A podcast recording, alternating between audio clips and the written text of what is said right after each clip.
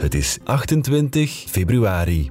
Dit is vandaag de dagelijkse podcast van de Standaard. Ik ben Alexander Lippenveld. De vakantie is voorbij voor de Vlaamse regering. Er moet nu snel een akkoord komen over het zware stikstofdossier. Vrijdag betogen de boze boeren immers in Brussel. Of komt er helemaal geen akkoord omdat de Vlaamse regering al even verlamd is als de federale?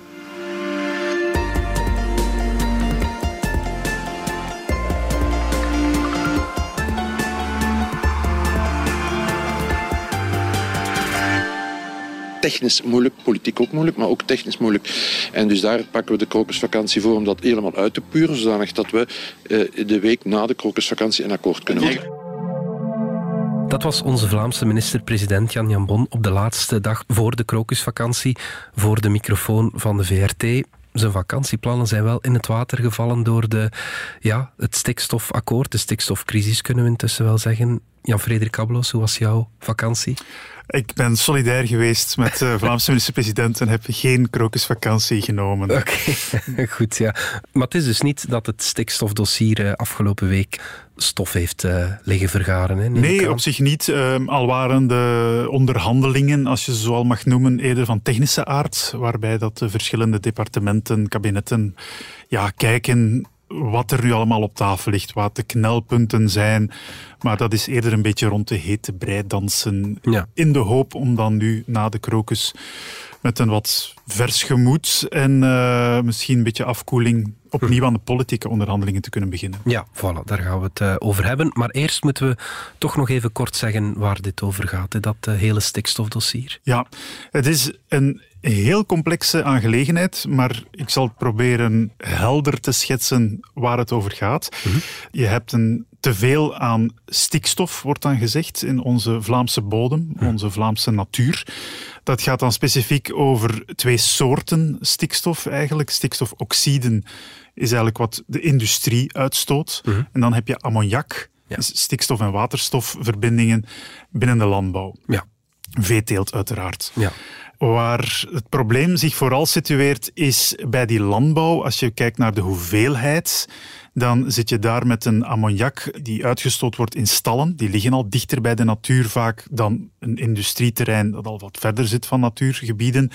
Stallen dichter bij de grond. Die depositie is veel lokaler, intensiever dan via een schouw, mhm. uh, waar stikstofoxiden worden eh, uitgestoten na verbranding. En dus heb je een stikstofakkoord gekregen vorig jaar, ook rond de krokusvakantie, mhm. waar het de Vlaamse regering in essentie gezegd heeft de veestapel moet fors kleiner. Ja. Dat gaan we doen op een aantal manieren en één ervan is dat een aantal boeren simpelweg hun landbouwbedrijf moeten sluiten. Ja. En dat heeft te maken met het feit dat men eigenlijk een inventaris heeft gemaakt van welke natuur hebben we in Vlaanderen. Mhm. Voor elk van die bossen of heidegebieden, hoeveel stikstof kan die verdragen? Mhm. En hoeveel stikstof wordt daar op dit moment op dat gebied losgelaten, zeg maar. Ja, ja. ja, en dan zie je, die kaart bestaat van Vlaanderen, dat die op heel veel gebieden donkerrood kleurt. Ja. En dat is finaal de reden waarom, en dat, daardoor zitten we nu in heel die toestand, een rechter op een bepaald moment gezegd heeft, bij het, uh, de vergunning heeft tegengehouden van een boer, een kippenstal was het geloof ik, mm. omdat hij zei van ja, dit, dit gaat niet. Je kan niet nog meer stikstof laten neerslaan op dit gebied dat al zo kreunt onder een teveel aan stikstof. En dat was op basis van de regels die toen waren om vergunningen uh, af te vaardigen, mhm. Vlaamse regels. En sindsdien is het dus duidelijk, ja, die regels moeten anders, moeten scherper. Ja. Of je gaat keer op keer een rechter krijgen die met de Europese normen in de hand gaat zeggen, sorry, maar dit kan niet. Deze persoon kan geen vergunning krijgen voor zijn of haar bedrijf of uitbreiding. Oké. Nog een ander uh, dossier dat de afgelopen weken naar boven kwam, was dat van Zaventem, van onze luchthaven. Daar werd ook een uitbreiding uh, ja. tegengehouden. Ja, ja, dus je ziet, je krijgt meer en meer cases waarbij dat, dat stikstofprobleem ofwel al op dit moment een probleem is voor een uitbreiding, of misschien een probleem zal worden. Zaventem zit voorlopig in de tweede categorie. Mhm, mhm. Maar de luchthaven wil fors uitbreiden. Tegelijkertijd ligt er een klein bosje, zoals het dan tegenwoordig heet, in de buurt van de luchthaven, het Floordambos. Ja.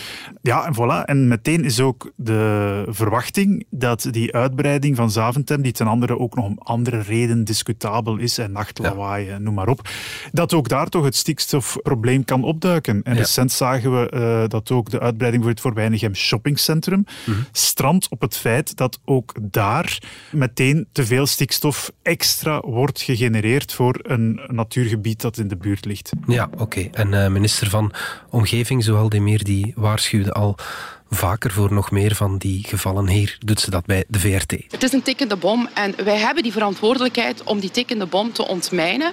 Uh, en uh, ik denk ook dat landbouwers, dat één, iedere wiens job ervan afhangt, dat die dat ook wel van de politiek verwachten. Als we dit niet doen, dan verliezen we met, met, met z'n allen. Heel de politiek verliest. Jan-Frederik, de Vlaamse regering moet dit natuurlijk oplossen mm -hmm. en moet een plan hebben om de uitstoot van stikstof fors omlaag te halen. Je zei het daarnet al, vorig jaar was er al een akkoord. Is het probleem ja, daar niet mee opgelost dan? Het was een principesakkoord mm -hmm. waarvan van in het begin duidelijk was, dit gaat nog natuurlijk moeten echt formeel bekrachtigd worden. Ja. En, en dat was een deel van de reden waarom met name CD&V binnen de Vlaamse regering kon akkoord gaan met dat uh, principesakkoord van vorig jaar. Er ging ook nog een inspraakronde zijn waarbij mensen hun bezwaren of organisaties hun bezwaren konden indienen ja. tegen het stikstofakkoord. En dat zijn er ondertussen die befaamde 20.000 bezwaarschriften geworden. Ja. En het zijn vooral die die CD&V nu aangrijpt om te zeggen wat we toen hebben afgesproken met onze goedkeuring. Daar moeten we nu toch nog eens goed naar kijken.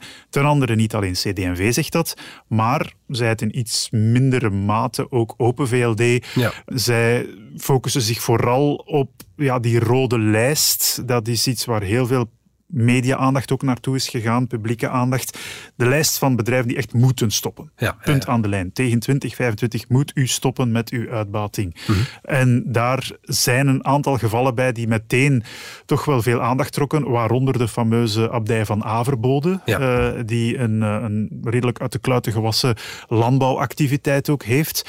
En waar dat met name Gwendoline Rutte, hè, Open VLD, parlementslid, vroeger voorzitter van de Liberale Partij, Mhm. zich opwierp om te zeggen van ja, wat, dit, dit kan toch niet... Um, Ja. Ten andere, een aantal van die bedrijven die dachten dat ze heel goed bezig waren, die hebben nog vergunningen gekregen van een Vlaamse overheid die nu zegt nee, u moet sluiten. Dat is een contractbreuk die niet ernstig meer is. Mhm. En dat is wel een lijn waar de liberalen heel hard op hameren. Daar moeten we nog eens goed naar kijken. We mogen niet zomaar mensen voor voldongen feiten stellen wanneer wij als overheid eigenlijk hen in het verleden altijd groen licht hebben gegeven. Ja. Uh, dus dat moet anders. Je moet hen op een andere manier uitkopen. Je moet hen de kans geven om toch nog uh, hun huidige vergunning rendabel te maken. Of dat ze tot hun pensioen nog de activiteit mogen uitoefenen. Enfin, dat moet anders. Ja, oké. Okay. En dan is het dus uh, CD&V en Open VLD tegenover N-VA. Dan kan mm. ik me inbeelden, er is een nieuw akkoord nodig. Laten we even kijken naar CD&V. Trek ik het op flessen als ik zeg dat het grote verschil met uh, vorig jaar is dat uh, CD&V intussen een nieuwe voorzitter heeft? Naar strategie zal dat zeker meespelen, ja. Er zijn natuurlijk die 20.000 bezwaarschriften, hè, ja. uh, die ik al zei. Maar uh, een vraag is, op welke manier gebruik je die als partij? En dan zie je wel dat CD&V met een nieuwe voorzitter, maar ook een nieuwe minister van Landbouw, hè, Jo Broens, en Sami Medi en Jo Broens staan, zo is toch de indruk, veel militanter in dit dossier. Ja. Uh, Sami Medi, die zijn partij veel meer smoel wil geven, ook communicatief. Het is ook niet de eerste keer dat hij een dossier aangrijpt om heel fors zich te positioneren in die Vlaamse regering. Het groeipakket, uh, dat was het vorige. Ja. Ja, ja. ja, en nu stuurt hij vooral ja, minister Jo Broens uit, die met die 20.000 bezwaarschriften in de hand veel forser kampeert op ook veel principiëlere standpunten dan Open VLD. Mm-hmm. CD&V stelt eigenlijk de fond van een aantal pijlers van dat stikstofdossier in vraag. Mm-hmm. Namelijk, uh, zoals ik daarnet zei, per uh, natuurgebied de berekening van hoeveel stikstof kan een natuurgebied slikken. Ja, daarvan zegt CD&V, we moeten toch opletten dat we dat niet in steen gaan bijtelen, die normen, want anders komen we onszelf misschien tegen uh, in onze economische en landbouwontwikkeling. Mm-hmm. Maar er was ook afgesproken, een landbouwbedrijf, om een vergunning te krijgen, mag nog 0,025 procent ja. van wat een natuurgebied aan stikstof kan verdragen, verantwoordelijk voor zijn. Ja. Industrie mag 1 procent van de stikstof genereren, die misschien datzelfde uh, natuurgebied kan verdragen. Ja. Daarvan zegt CD&V dat is een onfaire discriminatie. Ja. Waarom zou een landbouwbedrijf daar maar 0,025% mogen van veroorzaken en een fabriek 1%? Dat is wel een goede vraag. Hè? Wel, dan kom je in een heel eh, technische en beladen discussie Mhm. over de milieueffecten van de twee types stikstofverbindingen die dus ter discussie staan. De stikstofoxide via de industrie, Mhm. via verbrandingsprocessen daar, en de ammoniak die uit de landbouw komt. Want er zijn ook studies, ten andere opgeleverd binnen de Vlaamse overheid zelf, die zeggen ja, die ammoniakdeposities die hebben toch een groter effect. Iets wat door de Boerenbond bijvoorbeeld en door CD&V niet noodzakelijk ontkend wordt. Alleen zeggen ze, ja, die verschillende effecten die zijn al meegenomen in de berekening van wat zo'n natuurgebied kan slikken. Dus waarom wordt er nog eens een extra drempel gecreëerd voor landbouwactiviteiten? Dat gaat niet en dus willen zij die gelijk. Maar dat is met name iets waarvan dat dan de NVA, met minister Zuhal Demir voor Omgeving bevoegd voor het dossier, zegt van ja, als je dat doet, ja, dan haal je een heel belangrijke pijler van onder dat akkoord. Ja. Dan dreig je misschien dat stikstofbad, zoals het heet, niet snel genoeg te laten leeglopen. Ja, en dan, dan schoppen we het probleem voor ons uit. Ja. En misschien kom je dan weer snel een rechter tegen die zegt van, sorry, 1% voor landbouw, dat gaat niet.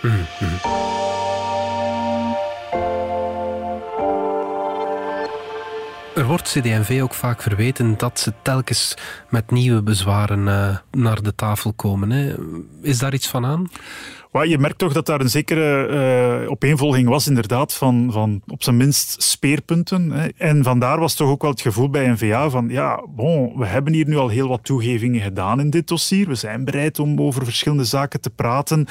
Geef de boeren bijvoorbeeld kans om een reconversie te doen van veeteelt naar akkerbouw.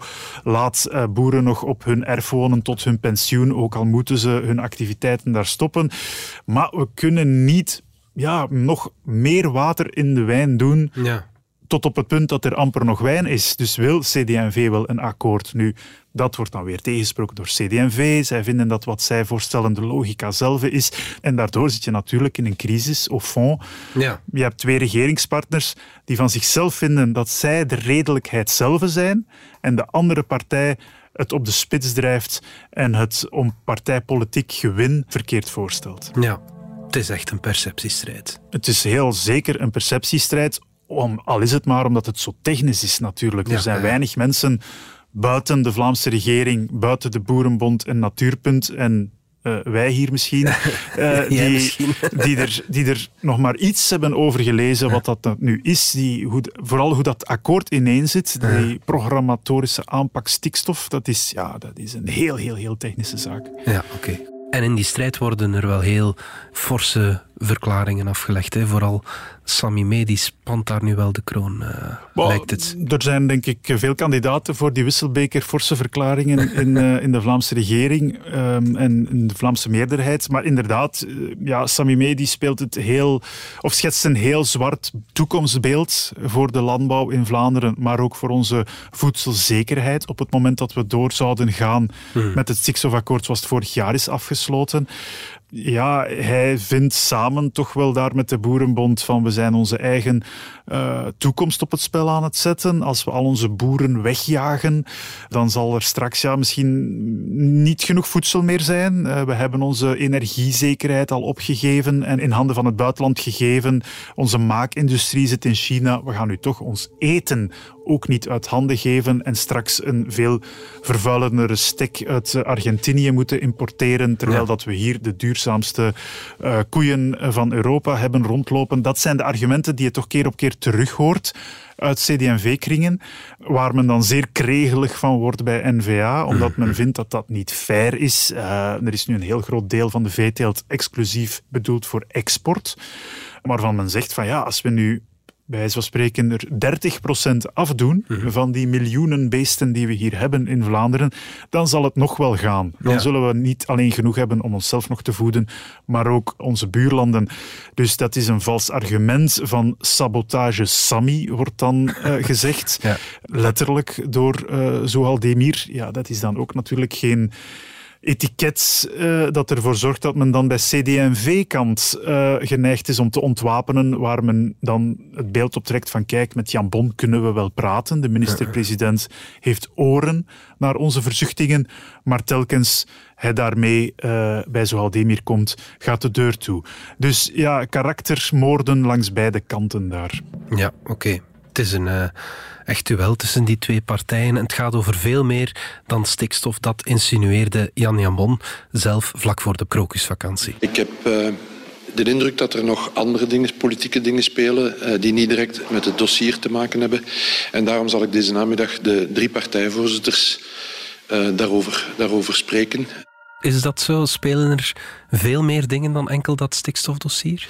Uh, er is een, denk ik wel een bredere context, ja. Mhm. En dat is natuurlijk de context van een, uh, een partij, CD&V, die, die op zoek is naar een, een remonte, uh, die te kampen heeft met slechte peilingen. Ja. Een nieuwe voorzitter sinds ja, straks een jaar die zich nog moet bewijzen. Sami Medi, die op zoek is naar ja, hoe kan ik deze partij op de kaart zetten daar waar mijn voorganger Joachim Koens ja, gefaald is, communicatief.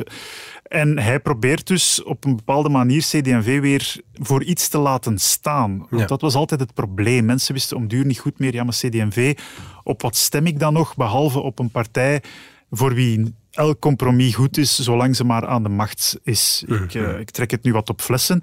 Maar dat beeld probeert Sami Medi heel hard te keren. Herinner u discussie rond de kinderbijslag? Mhm. Wij zijn de partij van het gezin. Hij heeft ook al gezegd, wij zijn de partij van de ouderen. Maar wat hier speelt is natuurlijk, wij zijn de partij van de boeren en eigenlijk breder genomen van het platteland. Dat is het frame dat hij optrekt.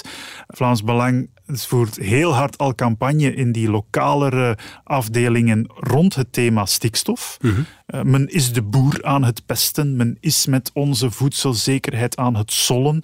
En kijk eens, CD&V laat dat allemaal toe. Mhm. Dat is een dodelijk frame voor die partij op lokaal vlak. Ja. En dat probeert Sami Medi heel hard te keren eh, door er een ja, tweestrijd van te maken van NVA, stedelijke partij, rijdt voor de industrie met name die in de Antwerpse haven.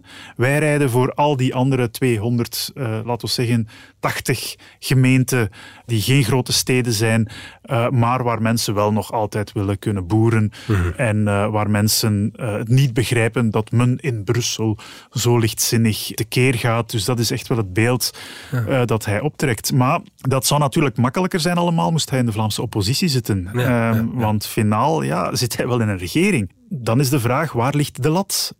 Wil CD&V een akkoord? Die vraag stelt men openlijk bij NVA, waar men het gevoel heeft, ja, is er daar ergens nog een, een bod waarvan CD&V bereid zal zijn om het te aanvaarden of niet? Ja, oké. Maar het is wel heel belangrijk, vooral voor NVA, dat er nu wel een akkoord komt, eh, denk ik. Hè? Want men zou natuurlijk ook kunnen redeneren, oké, het is zo lastig voor een van onze coalitiepartners voor NVA. Ja, goed, stikstof, is dat nu echt zo het, dossier om uh, onze Vlaamse regering met onze Jan Jan Bon uh, het leven zo zuur te maken? Laat ons dit, ja, laat dit passeren. En zo stelt NVA zich ook niet op. Mm Heeft vooral te maken met het feit dat we echt wel een stikstofakkoord nodig hebben. Ja. Omdat je daar met een fundamenteel probleem zit voor de verdere economische ontwikkeling van je regio, uh, voor de ontplooiing van landbouw en industriële activiteiten. Dus daar moet rechtszekerheid gecreëerd worden. Mhm, mhm. En dat is een fundamenteel debat dat gaat naar het hart van hoeveel industrie kunnen we nog hebben in Vlaanderen en wat voor een landbouw willen we naar de toekomst toe. Het is dus cruciaal. Daar wijst NVA ook op. Mhm. Maar natuurlijk, het is ook de partij die de Vlaamse regering incarneert. Ze leveren de Vlaamse minister-president. Het functioneren van de Vlaamse regering op zich is voor hen essentieel als contrast voor wat zij dan beschouwen als een kwakkelende, slechte federale regering. Mhm. Dus het beeld moet zijn, federaal, Vivaldi, stilstand, kunnen geen akkoorden sluiten, eh, diepe schulden. Vlaams, wel akkoorden, goed voor de toekomst, uh, met een begroting die naar een evenwicht gaat. Dat is het beeld waarmee N-VA ook naar 24 toe naar de kiezer wil. Ja. Maar ja, heel die benadering van de NVA, van die Vlaamse regering en hoe men daarmee dat, dat tot inzet bijna wil maken van hun campagne, mhm. ja, dat dreigt nu natuurlijk te kapseizen op, het, op de vaststelling dat je ook in Vlaanderen nog moeilijk tot akkoorden komt. Ja, absoluut. Straks hebben we het uh, nog even over die vreemde demarche van Jan Jambon, die plots niet naar de koning liep, maar naar de partijvoorzitters. En we hebben het ook over de kans dat vooruit de zaak komt depaneren. Maar eerst gaan we even uit voor reclame.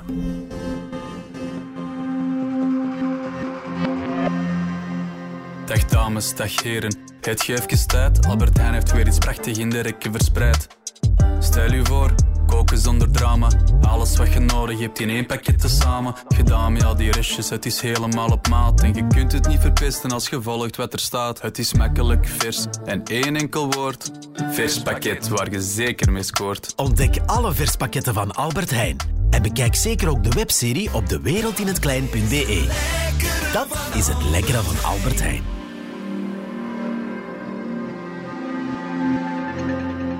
Jan-Frederik, terug naar jou. Jan Jamon zag het de vrijdag voor de krokusvakantie niet meer zitten en hij stapte naar de partijvoorzitters van uh, zijn Vlaamse regering. Welkom in Antwerpen. Heeft dit overleg iets opgeleverd? Dat is mijn eerste en enige verklaring. Welkom in Antwerpen. Ik ben blij dat u weer bent. Dit is Linkeroever. Bart de Wever wou niets zeggen over dat uh, overleg aan de VRT. Weet jij intussen meer?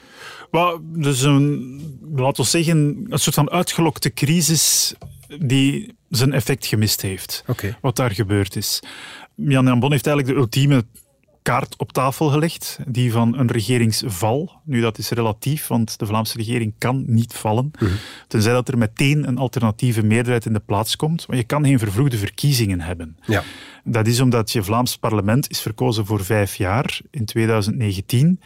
De volgende keer dat we gaan stemmen is mei 2024 en daar kunnen geen vervroegde verkiezingen tussenkomen. Zo simpel is het. Dus je speelt altijd met de 124 zetels die je hebt in het Vlaams parlement. Hmm. Maar, dus Jan Bon stelt vast, ja, ik heb hier, ja, ik raak er niet uit. Uh, ik heb hier een, een, begin van een akkoord op tafel liggen, de fameuze non-paper van uh, Zohaldemir.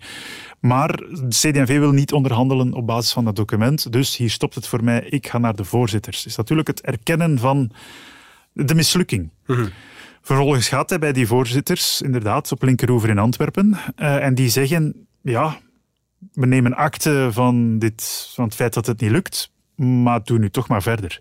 ja. Dus je staat eigenlijk na die demarche geen millimeter verder, maar je autoriteit als minister-president is misschien wel wat gehavend, Mhm. omdat je wel al erkend hebt, het lukt me niet.